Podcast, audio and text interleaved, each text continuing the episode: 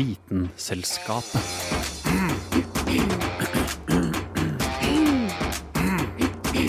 Vitenselskapet. I dag har jeg den store glede av å gi 60-tallsnostalgikere og kjemiinteresserte noe å samles om. Det er selvfølgelig radioprogrammet Vitenselskapet, som i dag skal handle om syre.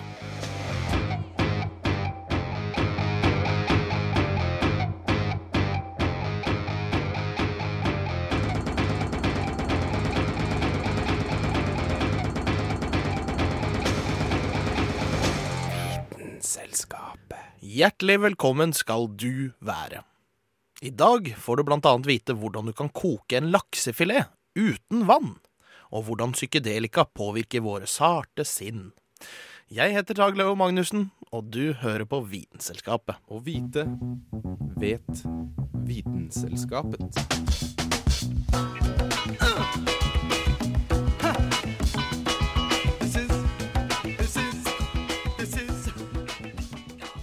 Men vi begynner i børjan, nær sagt. Sitronsyre, batterisyre, eddiksyre. Syrer er jo nesten overalt. Da er det fint å vite hva det faktisk er for noe. Det er på tide med en syrlig gjennomgang fra bunnen av. Hva gjør nå til ei syre? Det er egentlig ganske enkelt. Vår gamle venn protonet er en positiv kar. Sammen med pessimisten elektronet formes hydrogen, det første grunnstoffet. Fjerner du elektronene, sitter du igjen med et positivt hydrogenion, også kjent som H+. Lytteren som kom seg gjennom første klasse matte, skjønner da at et H pluss-ion og et proton er samme saken. OK. Enda et spørsmål du vet svaret på. Hva er H2O? Jo, vann. Kombinerer du disse to, får du H3O pluss, og kjent som H pluss i vann. Det som kan framprovosere dette, er ei syre. HCl, bedre kjent som saltsyre, gir, når oppløst i vann, fra seg hydrogenet sitt. Dette da i form av et H pluss-ion. Noe av vannet blir H3O pluss. Voilà! Syre. Ei base er det motsatte av ei syre. I stedet for å gi vannet et proton, tar du et, og ender opp med OH minus. Tar du ei lik mengde OH og H3O vil de nulle den ut, og du har vann. Hele, nøytralt vann. Som et mål på surhet har du pH. pH er en skala fra 1 til 14, der 1 er surest og 14 er mest basisk. Midt på pH-skalaen har du 7, som er nøytralt.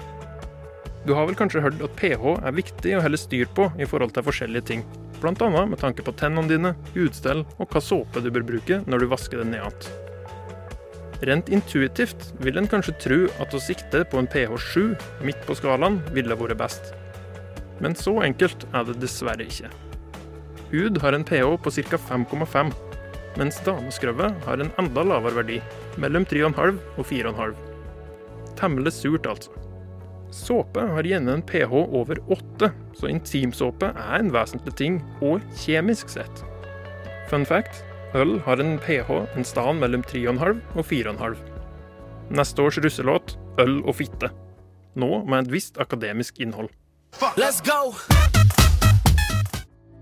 Alt ved menneskekroppen er ikke så surt.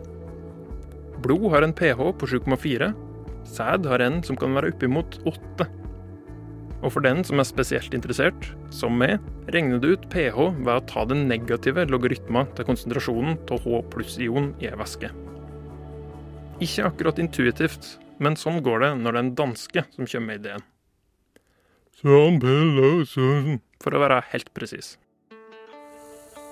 Noe av det mest nærliggende å tenke på når en tenker på syrer, er den etsende effekten de kan ha. Hva dette kommer av, er individuelt til hver enkelt syre og hva de reagerer med. Med metall handler det som oftest om å ete gjennom, og ved enden av prosessen har du metallion og hydrogengass. Metallion er vassløselige, så plutselig er den stålplata en stålmilkshake. I organisk materiale handler det om å bryte opp i kjeder, når molekylene blir hverandre, blir de fort ugjenkjennbare fra hvordan de så ut til å begynne med. Oss mennesker er jo organiske, så syre på huden er et stort no-no. Hvor ille det går, spørs på syra. Hvor sterk den er? Nei, på akkurat dette feltet er nomenklaturen temmelig forvirrende. For om ei syre er sterk eller svak, har ingenting med den fysiske effekten den har på omverdenen å gjøre. Forskjellen på ei sterk og ei svak syre er at ei sterk syre gir fra seg alle H pluss-ion den har, mens ei svak ikke er like villig til å gi fra seg protonene sine. Saltsyre er både ei sterk syre og farlig, mens svovelsyre er ei svak syre. Men den er absolutt ikke ufarlig. Svovelsyre er ikke bare en ekspert på å rive fra hverandre organiske forbindelser. Den har òg en ting til ved seg som gjør at du vil helle det langt unna om du har vett i skallen. Reaksjonen svovelsyre går gjennom, er nemlig endotermisk. Dette er en fancy-schmancy måte å si at den produserer varme.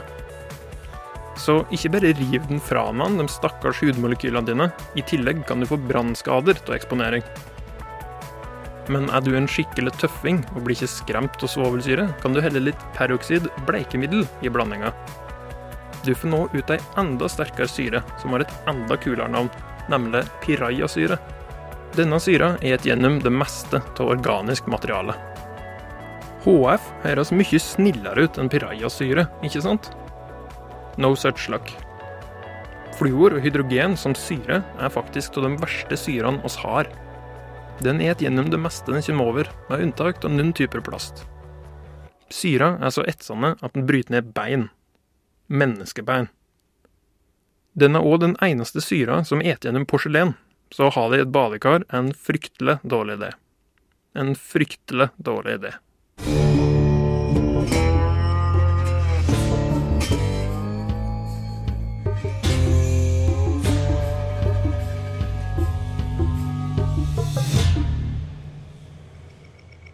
Mannen du hørte her, heter Carl Adams Kvam.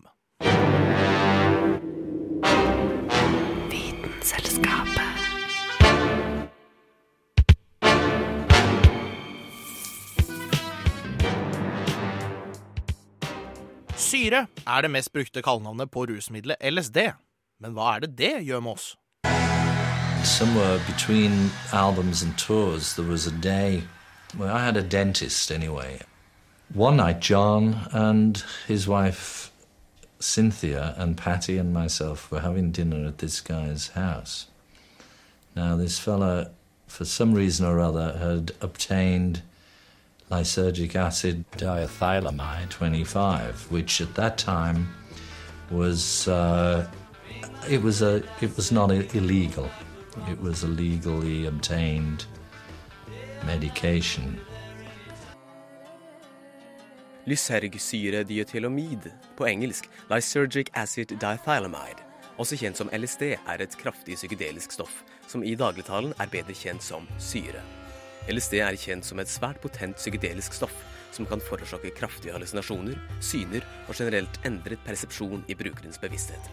Mange rapporterer intense spirituelle og endog religiøse opplevelser, og mange hevder at kun én seanse med LSD kan endre ditt liv. Dette baserer seg på det faktum at opplevelsene ofte blir husket av brukeren.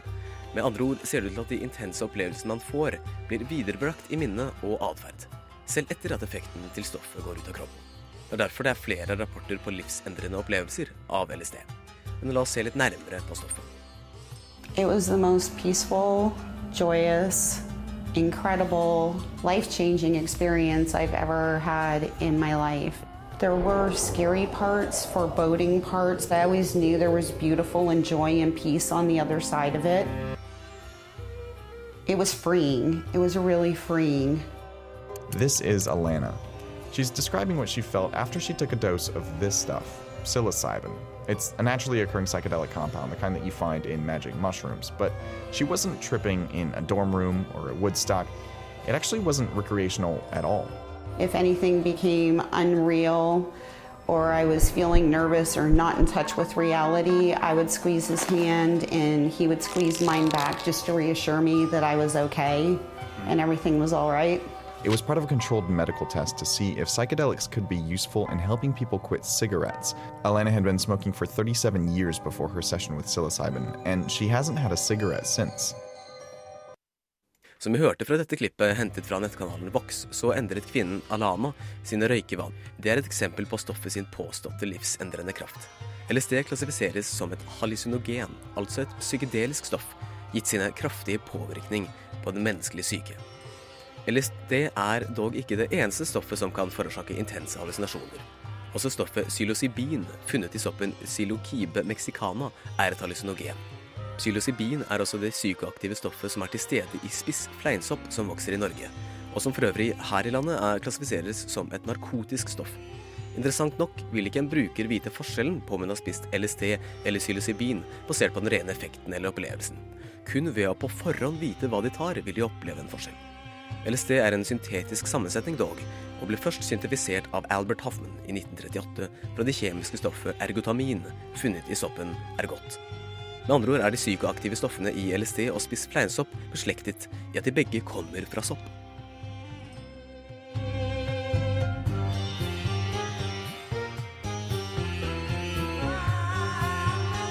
Etter den første syntetiseringen av Hoffmann begynte den snodige og kontroversielle historien til det som skulle bli kjent som LSD.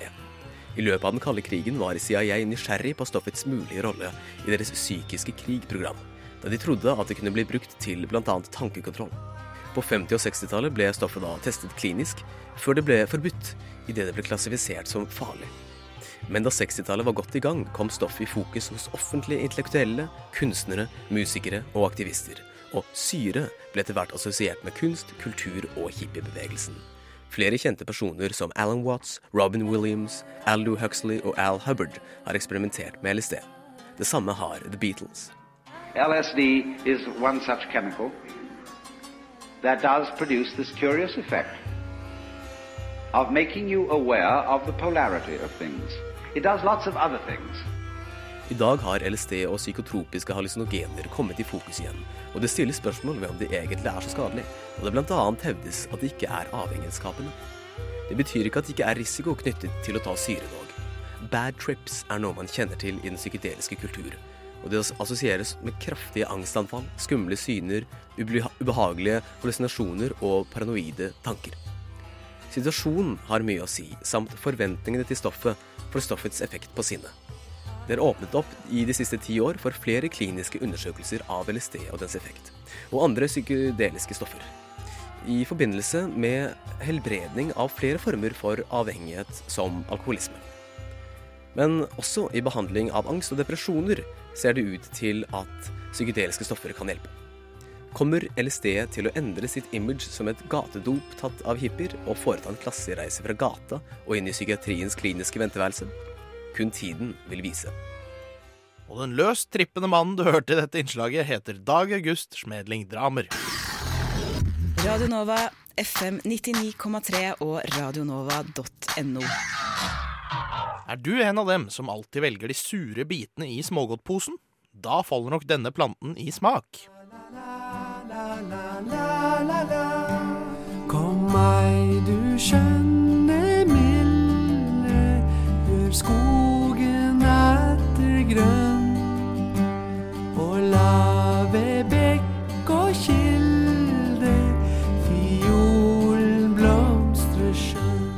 I mai er det ikke bare fiolen som blomstrer skjønn. Om våren kommer det også opp en annen morsom plante, nemlig gjøkesyre. Bladene er hjerteforma og består av klynger på tre. Og tygger man på dem, så kjenner man at bladene smaker surt. De fleste kjenner gjøkesyre godt fra barndommens skogsturer. Med mindre man vokste opp i Finnmark, da. For gjøkesyra, den vokser i alle landets fylker utenom Finnmark. Selv om de fleste barn liker å spise gjøkesyre, har mange hørt at man ikke skal spise for mye av den. Grunnen til det er at bladene inneholder oksalsyre, som er giftig i store doser. En dødelig dose oksalsyre, altså 5-13 gram ren syre, gir alvorlige betennelser i fordøyelseskanalen, oppkast, diaré, nyreskader, krampetrekninger og til slutt død pga. hjertestans. Gode grunner til å holde gjøkesyreinntaket på et lavt nivå, med andre ord. Oksalsyren er grunnen til at gjøkesyre er giftig. Men den er også grunnen til at planten smaker surt eller syrlig. Oksalsyre er en av de sterkeste organiske syrene i naturen, noe som skyldes den kjemiske oppbyggingen til oksalsyremolekylet.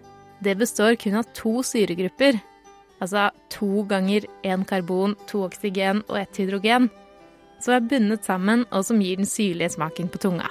Også bl.a. rabarbra, spinat og engsyre inneholder oksalsyre.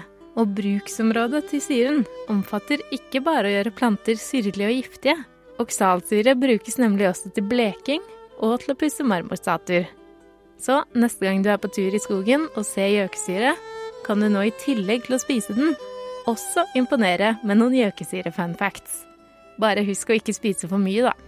Ak kjære meg, hvor gjerne gadd jeg i marken gå. Gadd jeg i marken Gjøkesyre er ikke én plante, men en planteslekt med flest arter i Sør-Amerika og Afrika. I Norge er den vanligste gjøkesyrearten O. acetosella, og det er den Hanne Grydland henviste til i denne lille saken.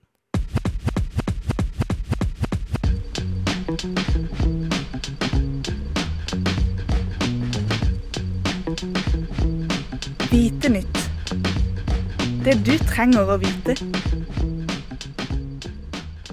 Hjertelig velkommen til deg, Sunniva Sol Stannes Blix. Du har, eh, du har rørt litt rundt i gryta funnet ut hva som rører seg der ute i vitenskapens verden. Og hva er det som rører seg? Ja, det er ganske mye spennende. Eh, noe av det rareste og litt eh, vet ikke, science fiction-aktige jeg leste nå nylig, var om at eh, for oss som bekymrer seg for de sinnarynkene, så har faktisk forskere med meg ty utviklet en type hudkrem som når den er katalysert, former et sånn midlertidig tynt hudlag, eller et slags belegg av plas plastikk, da, utenpå huden, som da er overraskende effektivt. Jeg har sett på et par bilder. Da egentlig fjerner rynker midlertidig. Eh, jeg syns det høres litt ekkelt ut, da, fordi jeg ser jo for meg da at det blir stivt, og det er liksom å ha på seg en sånn plast, plastfolie over ansiktet som klipper til som en såremaske eller noe sånt. Um, i kampen mot smilerynkene, men det er faktisk uh, Det er jo sånn, så selvsagt ikke sånn det fungerer. Det er sånn krembelegg som bare er midlertidig, og ekstremt tynt, da. Som forskere da argumenterer for at det ikke er så ulikt som å ha på seg brun krem, og det, den ser jeg jo. Kanskje det er et sunnere alternativ, jeg vet ikke. Um, det er jo sett i mine øyne et mye bedre alternativ til Botox, da, som er jo et av verdens farligste giftstoffer, og faktisk lammer musklene. Hvilket jeg synes er litt mer skummelt, da, egentlig. Men hvis den legger seg som et lag over huden, rett og slett, altså blir ikke Kan jeg ikke da ta egentlig og lage, lage et nytt tryne av gips, da? Putte det utapå, og så blir det samme greia? Ja, det var det jeg også lurte litt på, da. Fordi det er jo litt, egentlig, det er jo ikke noe digg å ha på seg en maske og tenke på huden må jo puste og sånn. Men det er visst bare en sånn Det er visst når du tar det på, så er det som en krem, og så er det den du, Jeg tror du tar på en sånn slags katalysator, som da får det til å bli som en veldig sånn tynn, tynn hinne, da. Sånn at det vil ikke oppleves som stivt eller som en har på seg, ja, ha på seg gips, da. Eh, men det høres jo veldig rart ut, syns jeg.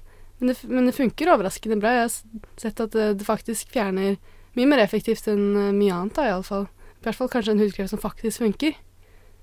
Ja, fordi at uh, du vil jo tenke sånn at det fjerner jo ikke noe som helst, det legger seg jo oppå. Mm. Men så tenker jeg sånn hvis du er ute i varmen, eller du gjør ting som gjør at du begynner å svette, eller ja, du må jo kunne vaske det av på et eller annet vis, da. Ja, jeg syns det er veldig spennende å høre om, men jeg er også litt sånn skeptisk til hele greia. Nettopp det sånn, ja, hvis du svetter, da. Er det som en brun at det bare renner av, eller er det Eller sitter det der stivt, og så plutselig kanskje det blir litt hardt, og så ser du kanskje noen rynker der og Nei, jeg vet ikke. Men nei da, det, det er visst bare midlertidig, så i løpet av 24 timer så vil det løse seg opp, da. Slik at det er som egentlig bare Du kan bare fjerne det som sminke, da. Tusen takk for at du kunne komme, Sunniva. Ja, tusen takk for at jeg fikk komme. Hæla i taket med Vitenselskapet.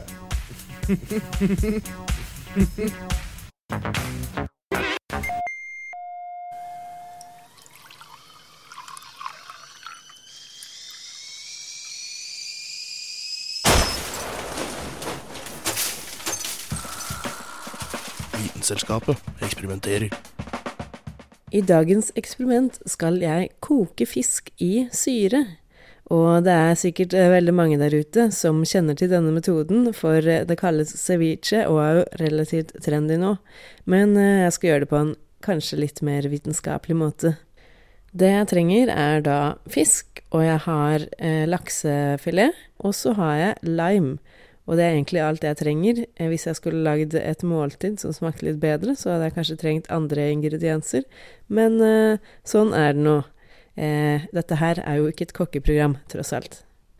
Så det første jeg gjør, er å kutte opp limen. Og så skviser jeg limejuice ut i en liten skål. Sånn. Og så kutter jeg opp fisken i passe store biter. Ikke så veldig store, og ikke for små. Eh, en terningsstørrelse, kanskje. Så er det bare å legge fisken i eh, denne limejuicen, og så er det bare, egentlig bare å vente. Nå har det gått ca. ti minutter, og fisken begynner å bli litt grann eh, sånn ugjennomsiktig i kanten, bare så vidt. Eh, nå kutta jeg den ganske tynn, da, sånn at det ikke skulle ta så lang tid. Men i oppskriften så står det ca. en halvtime, så vi får vente litt til, tenker jeg. Nå har det gått 40 minutter. Eh, den er litt fastere i kjøttet, og den er mye mer eh, lyserosa nå. Jeg vet ikke helt om den er helt ferdig. Eh, jeg tror jeg venter iallfall ti minutter til, og så er det bare å spise den. Ceviche er jo en ganske gammel måte å tilberede fisk og sjødyr på, men hva er det egentlig som skjer? Jo, det som skjer, er at syren i sitrusfruktene, det kan være lime eller det kan være sitron, retter ut de sammenkrølla proteinene i fisken. Det høres kanskje litt vanskelig ut, men båndene i disse proteinene er faktisk ikke så sterke. Fordi proteinene er jo tilpassa livet inni en fisk, eller et dyr for den saks skyld. Og der er det ikke spesielt surt eller varmt. Så disse proteinene er liksom ikke forberedt på noen andre forhold. Og derfor så er de heller ikke blitt så veldig sterke. Når disse proteinmolekylene folder seg ut, så utsetter de seg selv for miljøet, og derfor så kan de reagere med andre stoffer. Eksempel, det som skjedde med denne fisken her, var at proteinene knytta seg til de andre proteinene og lagde krysslinker på tvers. Eh, og dette fører til at strukturene blir tettere, og derfor får vi fastere fiskekjøtt og ikke så gjennomsiktig, fordi den tettere strukturen gjør at lyset ikke så lett går igjennom kjøttet. Så dette er da den vitenskapelige forklaringen på hvorfor ceviche kan oppstå. Så nå tenkte jeg at jeg skulle smake på dette lille mirakelet. Da, det, nå spiser jeg den helt bar, da. Ikke noe salt, ingenting. Smaker bare veldig, veldig sur lime. Er ikke akkurat noe jeg setter på Vitenskapets meny med det første.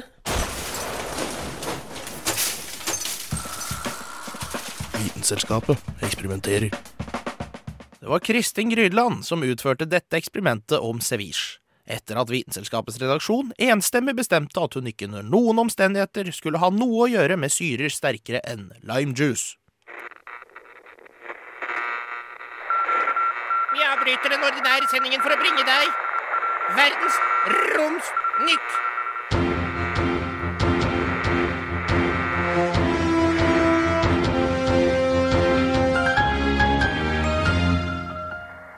Tjena, tjena, tjena! Velkommen til denne ukens Verdensromsnytt. Vi skal annet snakke om dette.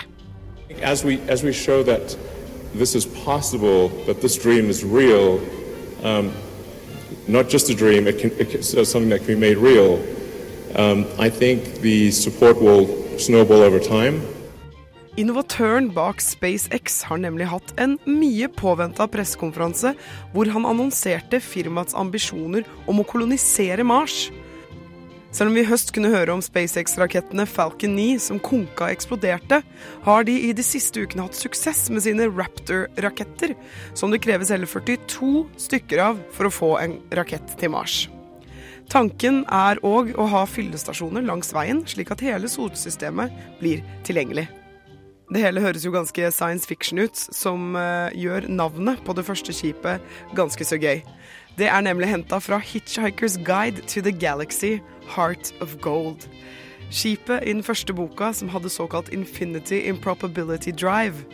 Musk mente det passet for fartøy de selv planlegger å skyte ut ubemannet i 2018, fordi det fartøyet også er veldig improbable, eller usannsynlig, som vi sier på norsk. This, this basic system, provided we have filling stations along the way, um, is, means full access to the entire greater solar system. Her i Verdensromsnytt så har jeg fulgt ferden til fartøyet Rosetta veldig tett. Men dette blir kanskje den siste meddelelse. Da Rosetta har kontrollert kjørt inn i sin evige kalde grav på kometen 67P.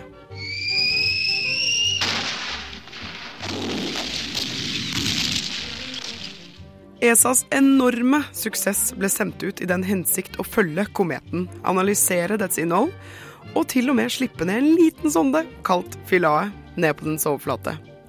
Philae, som vi mm, noen av oss vet, døde dessverre etter kort tid da den kjørte ned i en sprekk og mista sollys som skulle drive dens batterier. Apropos sprekk uten sollys ah, nei, jeg orker ikke. Anyways, Rosetta fortsatte i hvert fall å følge kometen og kunne nærme seg den igjen, da den var trygt unna de farlige solvindene og ikke avga en enorm hale av gass, yes og damp. Rosetta fant jo til og med igjen og sendte bilder tilbake til jorda før den tok en siste runde rundt isklumpen og avslutta med en brå prosjektil direkte ned mot den kalde overflaten. De siste timene fortsatte faktisk fartøyet å dokumentere sitt evige hvilested, før batteriene gikk ut og kometen skal ta med seg Rosetta på sin bane ut av solsystemet. Ha det, Rosetta! Ha det!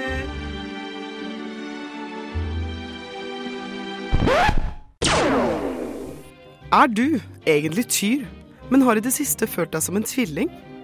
Har du ofte blitt beskrevet som en praktisk, analytisk og kreativ jomfru, men sett deg i speilet og fått en mer balansert og diplomatisk vekt reflektert tilbake? Frykt ikke, det finnes en forklaring. NASA skapte nemlig hysteri her forleden i astrologiforeninger verden over da de la ut et innlegg om stjernekonstellasjonenes opprinnelse. Astrologer opererer som kjent med tolv tegn, slik babylonerne gjorde 3000 år siden. Men som NASA kunne meddele, hadde babylonerne opprinnelig 13. De valgte bare vekk et tegn kalt ofiukus. Ofiukus, ofiukus mm. Ingenting har egentlig forandra seg. Det er bare jordas akse som gir en litt annen natthimmel etter disse årene. Og vips så lå Ofiukus i linje med sola 18 dager i året, i tillegg til de andre tolv tegnene. Lynnyheter. Hubble oppdaget enorme geysirer på Jupiters måne Europa. Dette kan bety life. Og ikke nok med det, 8. oktober er den internasjonale observere månedagen. Ring Knut Jørgen Rød Ødegård med en gang. Drikk moonshine og moon ut av en bil. Alt dette er tradisjon, det sier NASA. Det er også hele tre meteorsvermer i oktober, dog noe fattige på skudd. Drakoniene 8. oktober, tauridene 10. oktober og til slutt orionidene 21. oktober. Men disse blir ødelagt av en fullmåne. Men hold for guds skyld øya opp, retta mot Gud, skutt å si, mot himmelen, for de ønskene de kan trille over gjennom hele måneden. Så da gjenstår det bare for meg å si fra brunstjerna til månetoppen, Johanne Furuseth, over og ut. Vitenselskapet. Da var vi nådd veis ende for dagens sending. Heldigvis er vi tilbake neste uke, samme tid, samme sted, med mer stoff fra den vitenskapelige verden. Var du uheldig å komme inn midt i denne sendingen f.eks., eller kanskje dagens sending ga mersmak? Da kan jeg opplyse om at vi finnes i podkastform gjennom din nærmeste podkastapp eller på salgcloud.com. Vi er også tilgjengelig på Radio Novas nettsider www.radionova.no vitenselskapet. Helt til slutt, skulle du ha innspill, kommentarer eller ønsker til noe du skulle ønske vi kunne finne ut for deg? Ta kontakt, da vel. Vi er på Twitter og Facebook under navnet Vitenselskapet. Eventuelt kan du sende en SMS med kodeord NOVA, din melding, til 2440. 2440 der, altså. Jeg heter Dag Leo Magnussen og takker for meg. Ha det bra. Vitenselskapet. What? Radio Nova.